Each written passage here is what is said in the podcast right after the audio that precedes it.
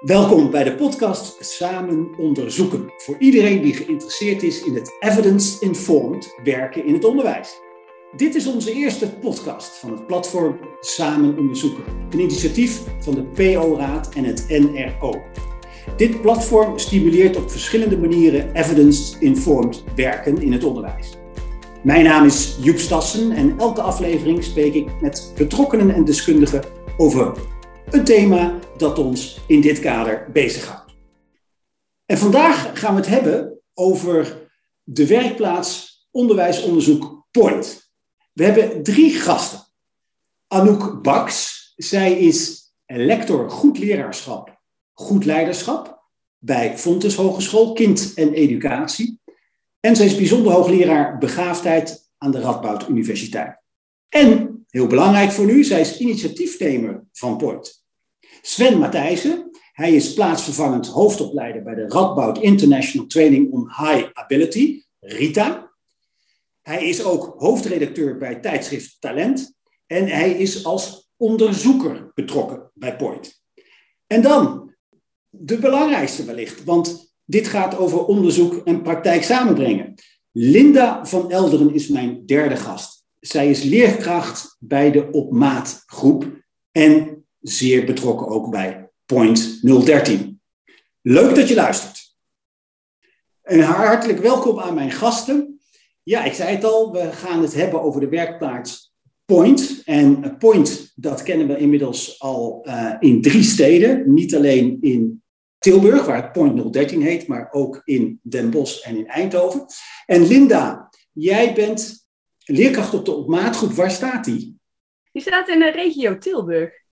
Dus jij bent betrokken bij Point 013? Ja, dat klopt. En, en wat is dat eigenlijk, dat Point 013? Point 013 is een uh, onderzoekswerkplaats waar eigenlijk leerkrachten um, als leerkrachtonderzoekers samenwerken met de wetenschappers om um, zo ja, onderzoek in de praktijk ook echt dicht bij de praktijk uh, te brengen eigenlijk. En wij doen onderzoek naar hoogbegaafdheid vooral. Ja, dat voorop, dat, dat vooropgesteld. Jij bent als leerkracht betrokken. Het initiatief van Point komt van jou, Anouk. Ja, Klopt inderdaad. Vertel eens. Ja, is inmiddels al een tijd terug. 2015, 16 was er eigenlijk een, eh, een gelegenheid om subsidie aan te vragen voor een nieuw concept, nieuwe manier van werken, namelijk de onderwijsonderzoekswerkplaats. En op dat moment werkte onder andere Linda en haar school, en Sven en de onderzoeksgroep, en eh, wij vanuit de PABO, vanuit de Radboud, Tilburg University en Utrecht Universiteit aan allerlei eigenlijk losse projecten. En juist die uh, binding in een onderwijsonderzoekswerkplaats ja, bood ons uh, mooie kansen om uh, nog meer praktijknabij onderzoek te gaan doen. En het onderwijs in samenwerking daarmee mogelijk nog mooier en beter passend te kunnen maken voor onze doelgroep, de hoogbegaafde kinderen. Ja, want wat beogen je nou precies met, met Point? Ja, verschillend. We hebben een, eigenlijk een driedelige doelstelling. We willen graag een duurzaam netwerk inrichten. Dus waarbij uh, wetenschappers, leerkrachten en PABO-docenten eigenlijk op die drie fronten, hè, onderzoek, onderwijs, maar ook de lerarenopleiding, samenwerken. Dat is belangrijk. Uiteindelijk beter passend onderwijs voor de kinderen in de klas, in het reguliere onderwijs met name.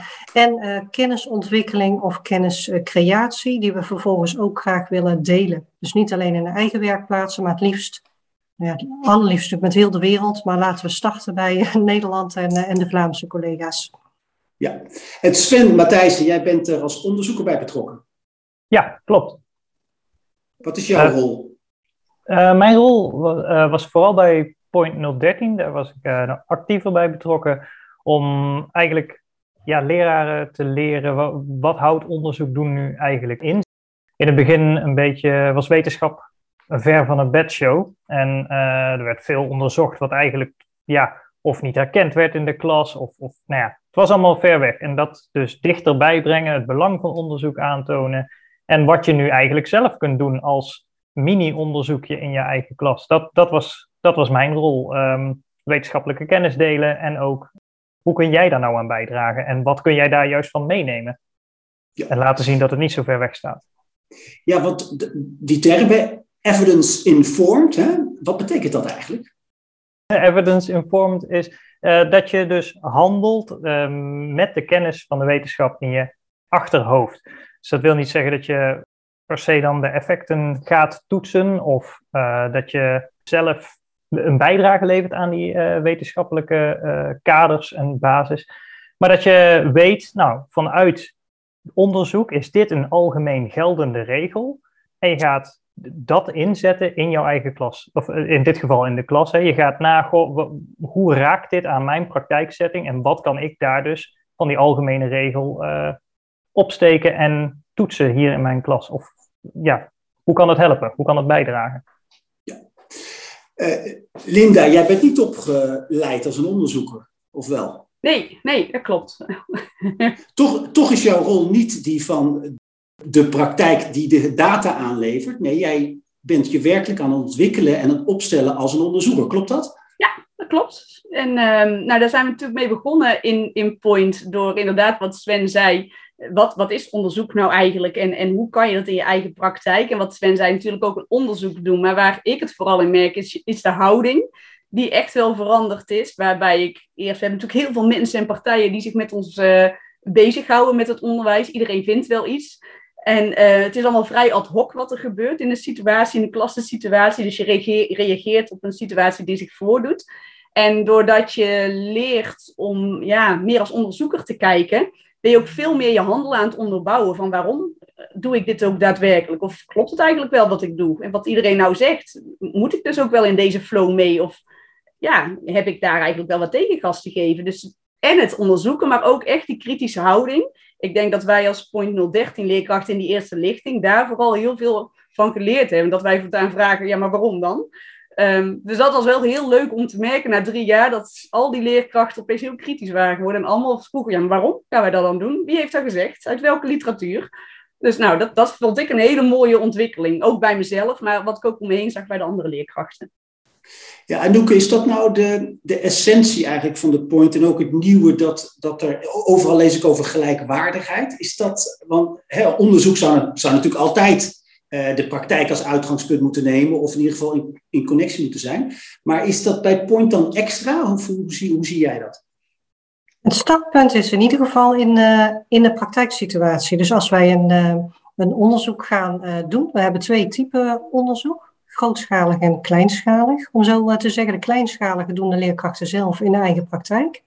En de grootschalige die gaan eigenlijk gaat over alle scholen heen. Dus heb je bijvoorbeeld 11 of 12 scholen die meedoen.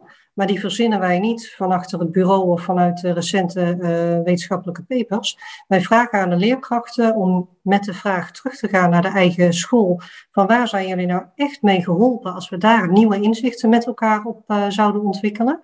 En dat is het startpunt van ons onderzoek. En ja, ik weet niet of dat heel erg vernieuwend is, maar het is wel iets waarvan we gezien hebben dat het echt werkt. Maar in al die stappen van het grootschalig onderzoek worden ook de leerkrachten betrokken. Dus ook als er een meetinstrument wordt gekozen, dan uh, wordt het enerzijds gedeeld met de leerkrachten, maar wordt ook echt op, uh, ik zou bijna zeggen, vraagniveau voorgelegd van, is dit eigenlijk wel de juiste taal? En vaak uh, is het ja, toch nog wel wat aan te scherpen of te verbeteren, dat het ook heel goed landt in de context van de school waar we op dat moment mee, mee werken. Um, en ik merk inderdaad die gelijkwaardigheid, dat het ook leidt tot lage drempels. Dus dat, dat er gewoon appjes over en weer worden gestuurd met vragen het is eigenlijk een methodiek, als je die een beetje in de vingers hebt en wat Linda aangeeft, die onderzoekende houding en de professionele nieuwsgierigheid is enorm toegenomen. Als dat er is binnen een school, dan kun je hem ook op andere thema's leggen. Herken je dat, Sven? Ja, zeker. Um, wat, wat Linda zegt van de uh, houding en ook ja, dat, dat, dat kritische, dat is denk ik ook de, de meerwaarde, zeg maar, dat je dat kunt bijbrengen bij, maar vooral die gelijkwaardige houding die Anouk ook benoemd. Hè? Dus, dus uh, onderzoekers staan niet meer op een voetstuk. Eigenlijk waar soms ook op wordt neergekeken. Maar ja, ja, leuk jij met je onderzoek. Maar zo gaat het dus nooit in mijn klas. Ja, eigenlijk vond ik zo mooi dat iedereen leerde van elkaar binnen Point. Hè? Dus, dus onderzoekers leerden vragen stellen die ertoe deden. Van ja, dit is eigenlijk wat we onderzocht willen hebben. En leraren die, die leren wat nu eigenlijk onderzoeksvragen zijn ten opzichte van wat opzoekvragen zijn. En ja, die wisselwerking in dat leren, ja, je ziet zo mooi binnen Point hoe dat uh, leren echt in interactie plaatsvindt. En met respect voor elkaars expertise, vakgebieden en, en ja, groei vindt gewoon aan allebei de kanten plaats. En dat, dat is waarom ik het zo leuk vond om betrokken te zijn bij Point. Uh, Linda, jij bent nieuwsgierig en onderzoekende houding. Heb, jij heb je dat al van huis uit of heb je, is dat nu ver aangewakkerd? Dat is wel een leuke vraag. Ik denk dat die uh, sowieso van huis uit wel uh, is.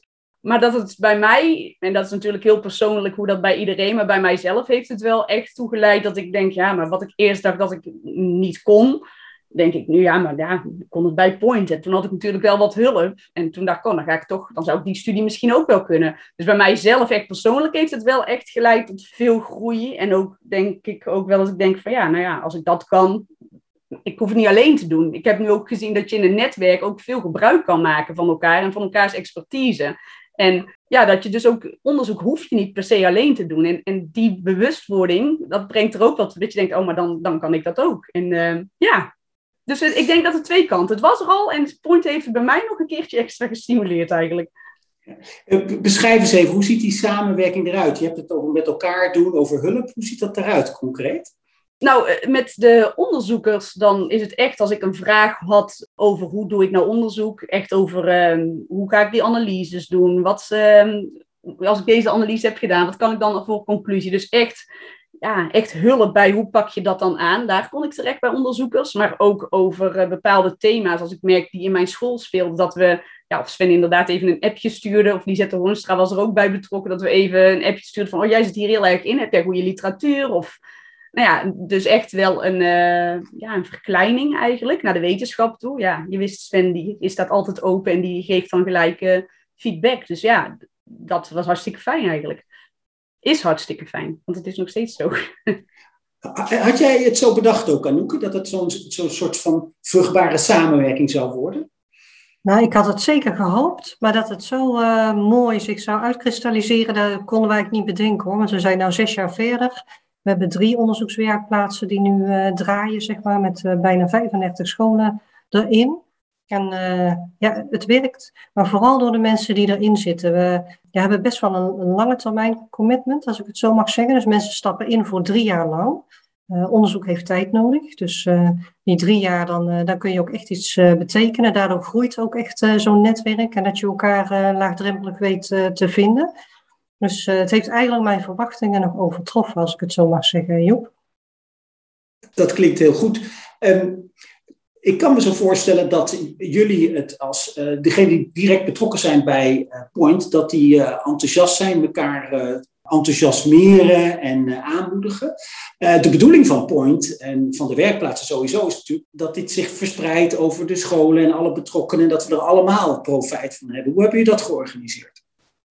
Dat is een moeilijk proces. Dus dat is iets waar we nog steeds beter in kunnen worden. We hebben wel een aantal dingen die lijken te werken. Als eerste hebben we natuurlijk meteen, of meteen maar een website opgezet, Point 013. Ook als je Point 040 of 073 invoert, dan, dan kom je daarop uit waar we zoveel mogelijk delen van kleine verslagen van wat hebben we deze maand gedaan in de werkplaatsen tot kennisclips.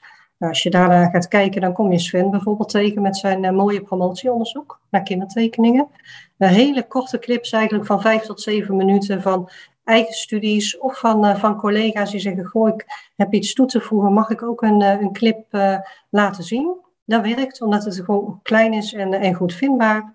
We zetten daar natuurlijk de werkwijze op, de partners, maar ook hebben we gemerkt, onze wetenschappelijke artikelen, ook al hebben we ze open access, worden toch iets minder goed gelezen. Kost ook veel tijd, is altijd Engelstalig. We maken daar voortaan uh, factsheets van. Dus één A4 met de hoofdbevindingen en de praktijkrelevantie erin. Die factsheets die worden wel veel uh, geraadpleegd. Dus dat is iets. We uh, geven natuurlijk presentaties, workshops waar iedereen bij, uh, bij aan kan haken. En ik denk dat misschien het grootste kennisdelingsproduct ons spel is geweest. Het Enigma-spel, een professionaliseringsproduct. Misschien, Linda, vind jij het juist wel leuk om dat te vertellen, want jij ziet of, het, of en hoe het landt in de praktijk. Ja, nou ja, Enigma wordt, wordt wel uh, ingezet, merken we. We geven daar ook cursussen over, zoals Anouk ook al zei, om te vertellen van hoe kan je het dus ook inzetten. Dus we zien dat dat, dat daadwerkelijk iets is wat we dus bedacht hebben met elkaar, wat we denken dat is nodig. Um, en dat het dus ook daadwerkelijk door IB'en, want het is een soort tool om kinderen te signaleren, dat die dat inzetten en meer leerkrachten erbij betrekken. Dus ja, dat, dat is een heel mooi instrument. Ik dacht wel aan Anouk aan het praten was, dacht ik ook, ik denk ook dat een heel stuk kracht is het onderling kunnen vinden van elkaar. Want we zijn met heel veel scholen, heel veel leerkrachten.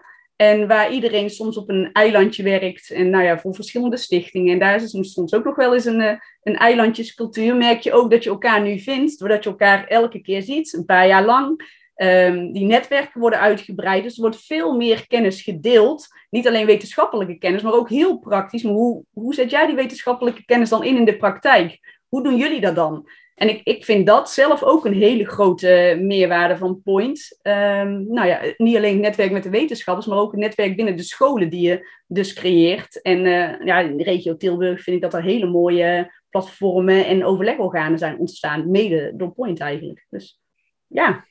Ja, want ik kan me voorstellen dat er ook uh, leerkrachten zijn of collega's van jou die, die gewoon minder affiniteit hebben met onderzoeken en gewoon, uh, gewoon lekker voor de klas willen staan en dat willen doen. Um, hoe ga je daarmee om?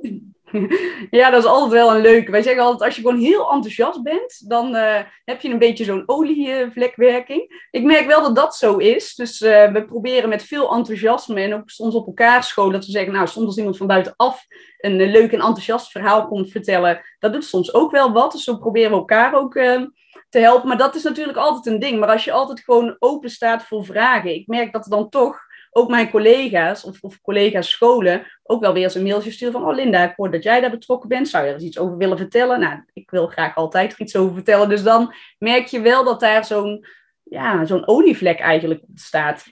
En ik denk ja. dat dat heel mooi is. Sven, ben jij, mag ik nou zeggen dat jij, ben jij verantwoordelijk voor de kwaliteit van het onderzoek als, als onderzoeker? Nou, dat ligt denk ik nu, zeker nu bij, bij onder andere uh, Elise en uh, Kim, hè? Op dit moment. En, en, maar toen bij Point 013, daar was het, ja, mee verantwoordelijk, maar in ieder geval voor, voor de wetenschappelijke houding, zeg maar, uh, creëren. Hè? Dus, dus wat Linda net zegt, hè, de vragen die komen. Maar de vragen, we weten allemaal in het onderwijs is er chronisch tijdgebrek. Maar de vragen waren nooit, zeg me nou maar wat ik moet doen heel misschien in het begin of zo, hè, is, is dat dan wel. Je weet nog niet zo goed wat je kunt verwachten. En ik heb toch dit kind nu waar ik nu iets mee moet. Maar er werd meer en meer werden de vragen, ik wil echt begrijpen. Ik wil echt weten waarom we dit zo doen. En niet gewoon wat ik moet doen, maar waarom moet ik dit juist op deze manier doen? En er kwamen ook steeds meer kritische vragen over de onderzoeken zelf die zijn gevoerd. Dus die, ja, voor het bewerkstelligen van die kritische houding en niet alleen maar, ja, wanneer we als onderzoeker zeiden van ja, uh, uh, spring maar door die hoepel. Ja, oké, hoe hard wil je dat ik spring? Maar vooral dat ze gingen vragen, wanneer is deze hoepel toereikend? Ja, ik begrijp, kijk, de, de waarom-vraag stellen, dat is natuurlijk uh, eigen aan een uh, onderzoeker. Hè? Dat is de, daar begint het mee. Maar daarnaast, Sven, onderzoek is toch ook gewoon uh, ambachtswerk. Dat is gewoon, daar moet je regels volgen en dat is zorgvuldig werk. ik kan me voorstellen dat, ja, dat, is dat niet lastig om dat uit de handen te geven aan mensen die daar gewoon geen ervaring mee hebben? Ja, je moet, het, je moet dat anders bekijken dan, denk ik wel. Het is, het is niet terecht om onderzoekers die jaren in de collegebanken hebben gezeten om te leren hoe je onderzoek doet, om dan even een keer uit te leggen in een middag, nou, dit is hoe je ongeveer onderzoek doet en nou ga je zelf aan de slag. Dat is, dat is niet terecht. Maar de basisprincipes van onderzoek doen en kritisch blijven nadenken en vooral goed nagaan wat wil je eigenlijk weten, dat kun je wel goed bijbrengen. En vervolgens is het inderdaad iedere stap wel begeleiden. Ja, en, en je hebt verschillende soorten onderzoek. Hè? Dus, dus het wetenschappelijk onderzoek wat, wat over algemene eh, zaken gaat. En uiteindelijk heb je de kleinschalige onderzoeken, die gaan nu over deze klas. Ja, dat zijn verschillende soorten onderzoeken waarmee je rekening houdt in de begeleiding. En doorgaans heeft wetenschappelijk onderzoek, uh, die wil niet het wiel opnieuw uitvinden. Maar als je iemand wil leren onderzoek doen, dan is het helemaal niet erg als het wiel voor een klas waar het wiel nog niet was, opnieuw wordt uitgevonden. Ik, ja, ik snap je. Kijk, ik, jullie, jullie onderwerp, thema is uh, hoogbegaafdheid, hè, talentontwikkeling. Uh, maar waar, komt de, waar komen de onderzoeksvragen vandaan? Wie, uh, wie stelt die eigenlijk?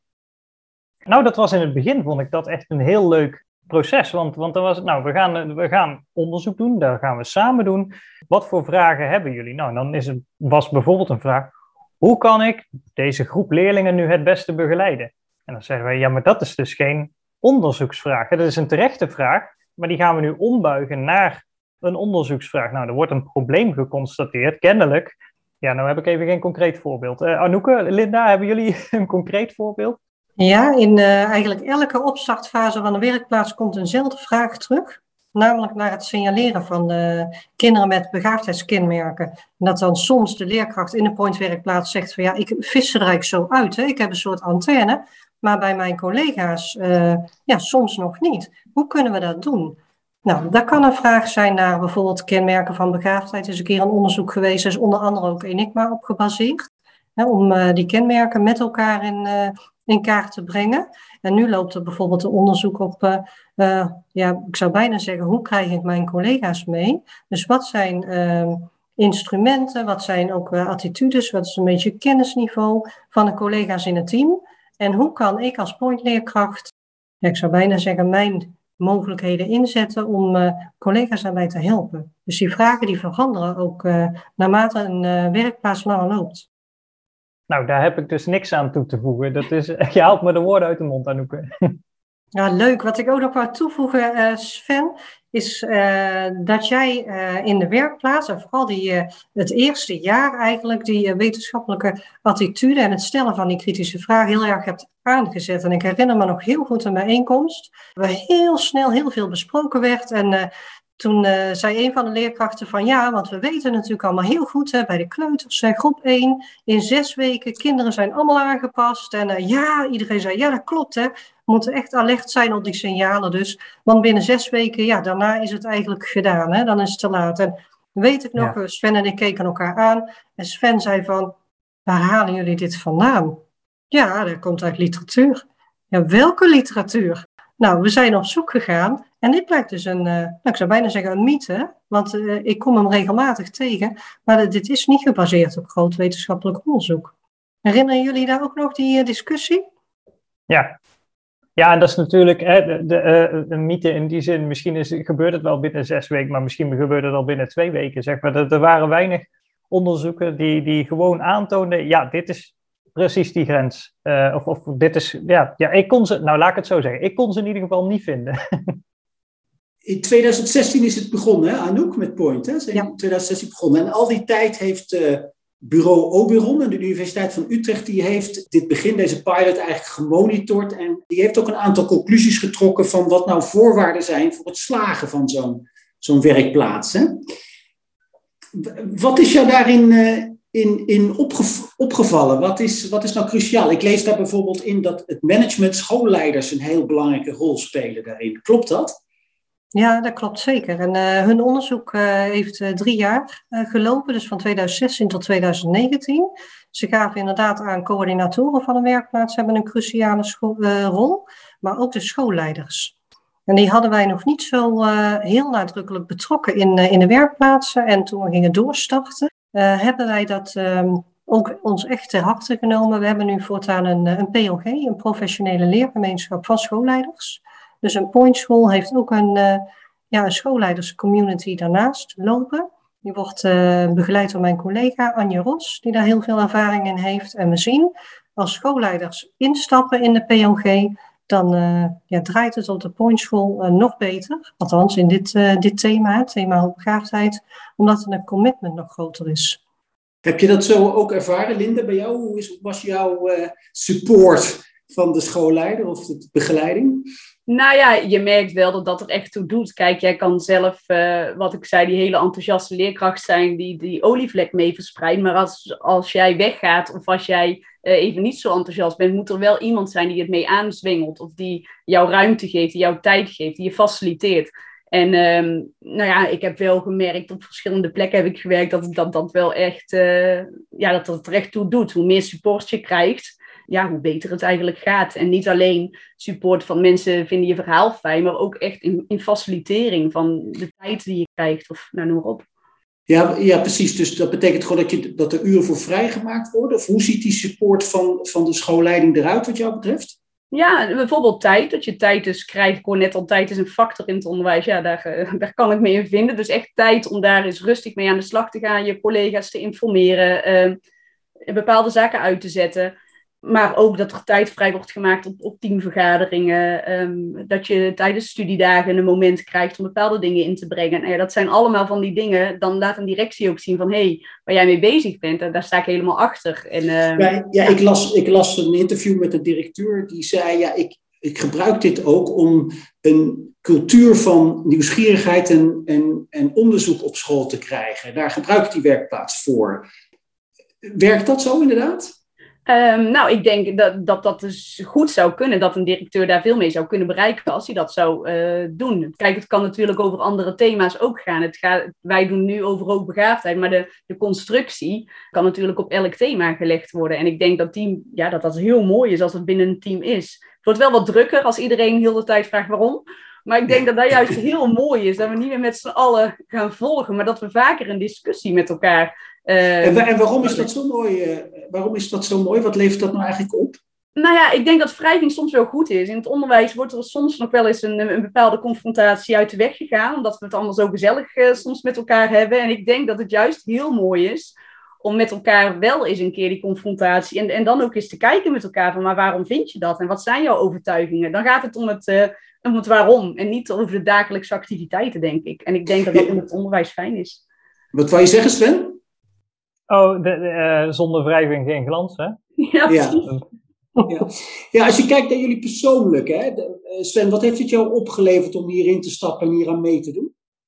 Wat het mij heeft opgeleverd is eigenlijk het inzicht dat wetenschap, of, uh, ja, wetenschap en praktijk helemaal geen gescheiden werelden zouden moeten zijn. Wat ze vaak wel zijn, hè, je, je, je hoort vaak zeggen van ja, we willen een brugfunctie uh, vervullen tussen wetenschap en praktijk. Maar het zou veel mooier zijn als de twee samenwerken. Ze kunnen elkaar zoveel meer versterken. Praktijk kan aangeven, dit is wat we graag onderzocht willen zien. En uh, wetenschap kan aangeven, dit is hoe we dat het beste kunnen uh, onderzoeken om zo dicht mogelijk bij de waarheid te komen. Hè. Ik bedoel, die is heel complex, die laat zich misschien niet altijd vangen, maar we kunnen wel proberen daar zo dicht mogelijk bij te komen. En dat kan alleen maar als praktijk en wetenschap met elkaar samenwerken en eigenlijk met elkaar verstrengeld zijn. Ja, en wat heb je ervoor moeten, moeten laten eigenlijk, eh, Sven? Wat, wat, eh, in welk opzicht, welke, welke overtuiging heb je los moeten laten? Nou, ik zeg het nou wat zwart-wit, maar dat iets wat uh, wetenschap niet aantoont, niet per se niet waar is. En iets kan in de praktijk bestaan en wetenschap kan het niet aantonen en dat maakt het niet minder waar. En tegelijkertijd is iets wat wetenschap aantoont ook niet de waarheid per se. Nou ja, dat, eigenlijk de allerbelangrijkste, en die probeer ik uh, sinds, sinds ik dat besef heb ook aan, aan onze studenten mee te geven, is dat uh, wetenschap gaat over regels en wetmatigheden. En wat je nu voor je hebt is een, een individu met een eigen unieke setting. Dus vertrekken vanuit die regels en wetmatigheden is heel goed, dat helpt met trechteren. En iedere keer opnieuw nagaan of die regel wel van toepassing is op dit individu in deze unieke situatie. Anouk, uh, jij bent het initiatief uh, gestart uh, in 2016. Als je nou eens vooruitkijkt, je doet dit voor, ja, voor hoogbegaafde kinderen, voor, om, om, voor getalenteerde kinderen. Als je dit niet was gestart, wat hadden ze gemist? Dat is een mooie. nou, een aantal nieuwe inzichten hadden ze gemist en heel bevlogen leerkrachten die hen nog meer op maat passend onderwijs kunnen bieden. Dus direct in de klas denk ik. En inmiddels zijn wij met de werkplaats wel iets verbreed. Dus uh, uh, kijken we ook naar kinderen met specifieke onderwijsbehoeften in een bredere zin. Dus in uh, bijvoorbeeld vragenlijst, als we naar kinderen kijken, kijken we niet meer alleen. Kinderen die bijvoorbeeld dyslectisch zijn of kenmerken van het autistisch spectrumstoornissen, dat soort dingen. want daar kunnen we met onze gegevens eigenlijk ook best wel wat over zeggen. Ze hebben bijvoorbeeld recent onderzoek gedaan naar de coronaperiode. En daarin uh, zagen we dat uh, het is natuurlijk voor niemand echt heel erg positief geweest, hè, dit, uh, dit hele gebeuren. Daar valt heel weinig positiefs uit te halen. Maar kleine lichtpuntjes zagen we bij hoogbegaafde kinderen die een bepaalde ontwikkeling door hebben gemaakt tijdens die periode waar we weer van konden leren. Ja, zo is de vraag ontstaan van moet iedereen eigenlijk wel vijf dagen in de week, van negen tot half drie, of nou ja, hoe het systeem ook is, hè, naar school, of zouden er tussenwegen te vinden zijn? En die, ja, die vraag stelden we ons voorheen minder vaak. Dat het onderwijs niet passend is voor elk kind, dat wisten we natuurlijk al. Maar online onderwijs als variant, ja, die hadden we voorheen uh, hadden we nog niet. Ja, dus het, het, het, samen gaan onderzoeken, dat roept ook weer nieuwe vragen op, zo te horen. Ja, zeker. En, en zo hoort het ook. Het is een ongoing uh, process. Ja, ik, ik merk er alles dat je trots bent op, op dat, dit initiatief, ehm, dat idee wat jij hebt, dat dat uiteindelijk ook werkelijkheid geworden is. Dat mag ook wel. Want uh, ik heb ook gelezen dat je met dit uh, initiatief, met, met Point, een prijs hebben gewonnen. Hè? En wel de E, e April Best Practice Based Research Award. Zeg ik het goed, Anouk? Ja, de April uh, Award. Ja. April Award. Wat, wat is dat voor een award? De IPRIL is een uh, Europese uh, ja, vereniging, zou ik het willen noemen. Het gaat uh, vooral om onderwijsonderzoek en eh, leren en, en innoveren van onderwijspraktijk. Dus er is ook een jaarlijks groot congres aan verbonden. En zij reiken jaarlijks een prijs uit aan initiatieven of projecten die wetenschap en praktijk op een goede manier in hun ogen hebben verbonden. En ik denk dat ze ons project heel interessant vonden, omdat het een voorbeeld kan zijn ook voor uh, andere landen. Want eigenlijk met relatief weinig middelen en vrij laagdrempelig kun je zoiets opstarten. Ja, dus het is een goed voorbeeld voor andere landen. Maar wa waarom denk je dat ze juist jullie de prijs hebben gegeven? Ja, dat is een goede vraag. Zou je eigenlijk aan hen uh, moeten stellen, die vraag? Wat, wat stond er in het juryrapport? Uh, daar hebben ze alleen uitgesproken, maar het ging vooral onder andere over uh, bridging the gap. Dus inderdaad, Sven noemde al uh, de, de, brug, hè, het verbinden van wetenschap ja. en praktijk. Dat was een van, van de kernpunten daarin. Ja, waarom denk jij, Linda, dat, dat, dat de jury de prijs heeft gegeven aan Point? Nou, ik denk dat het een mooi voorbeeld is van iets wat werkt. Ik denk dat we het door hebben laten zien, doordat een subsidie ophield en uh, een, een, nog een uh, termijn aan vast is geplakt, omdat besturen en scholen zeggen van ja, het werkt, het doet iets. Um, dat dat een mooi voorbeeld is van dat het dus ook daadwerkelijk iets doet, dat mensen zich ingespannen hebben om het, uh, om het door te zetten. Nou ja, voor mij was dat eigenlijk ook al een soort prijs dat we door mochten uh, omdat mensen het belang ervan inzagen. En het is mooi dat er nog zo'n prijs bij komt. Maar ik denk dat je hebt laten zien dat het werkt. Ja. Ja. Nou ja, het, het, het feit dat er een point 040 uh, in Eindhoven en een point 073 in Den Bosch is, dat zegt natuurlijk ook wat, hè Anouk? Ja, dat is zeker. En uh, dan moeten we de Zaanstreek ook niet tekort doen, want zij hebben ook collega's afgevaardigd die elke keer reizen naar uh, regio 040, naar Eindhoven. Want ook zij doen, uh, doen mee en verspreiden daar kennis. Mooi. Goed, eh, dank jullie wel. Dank jullie wel voor uh, uh, gast te willen zijn in deze podcast Samen Onderzoeken. En jullie dank je wel voor het luisteren naar deze aflevering van de podcast Samen Onderzoeken. Mijn gasten waren Linda van Elderen, Anouk Baks en Sven Matthijssen van Point 013. Deze serie wordt gemaakt in opdracht van het platform Samen Onderzoeken, een initiatief van de PO-raad en het NRO. Vond je dit interessant? Deel dan deze podcast met anderen, want samen onderzoeken doe je immers samen. Je vindt ons online via de nieuwsbrief en op de website platform Samen Onderzoeken. En natuurlijk ook in jouw podcast-app. Abonneer je op ons kanaal, dan weet je zeker dat je als eerste op de hoogte bent van onze eerstvolgende nieuwe aflevering. En we zijn ook blij met een beoordeling van jou in sterren of in woorden. Dat helpt ons om meer mensen te bereiken, om kennis te delen. Heb je zelf een onderwerp die je graag langs ziet komen, laat het ons weten. Graag tot een volgende keer.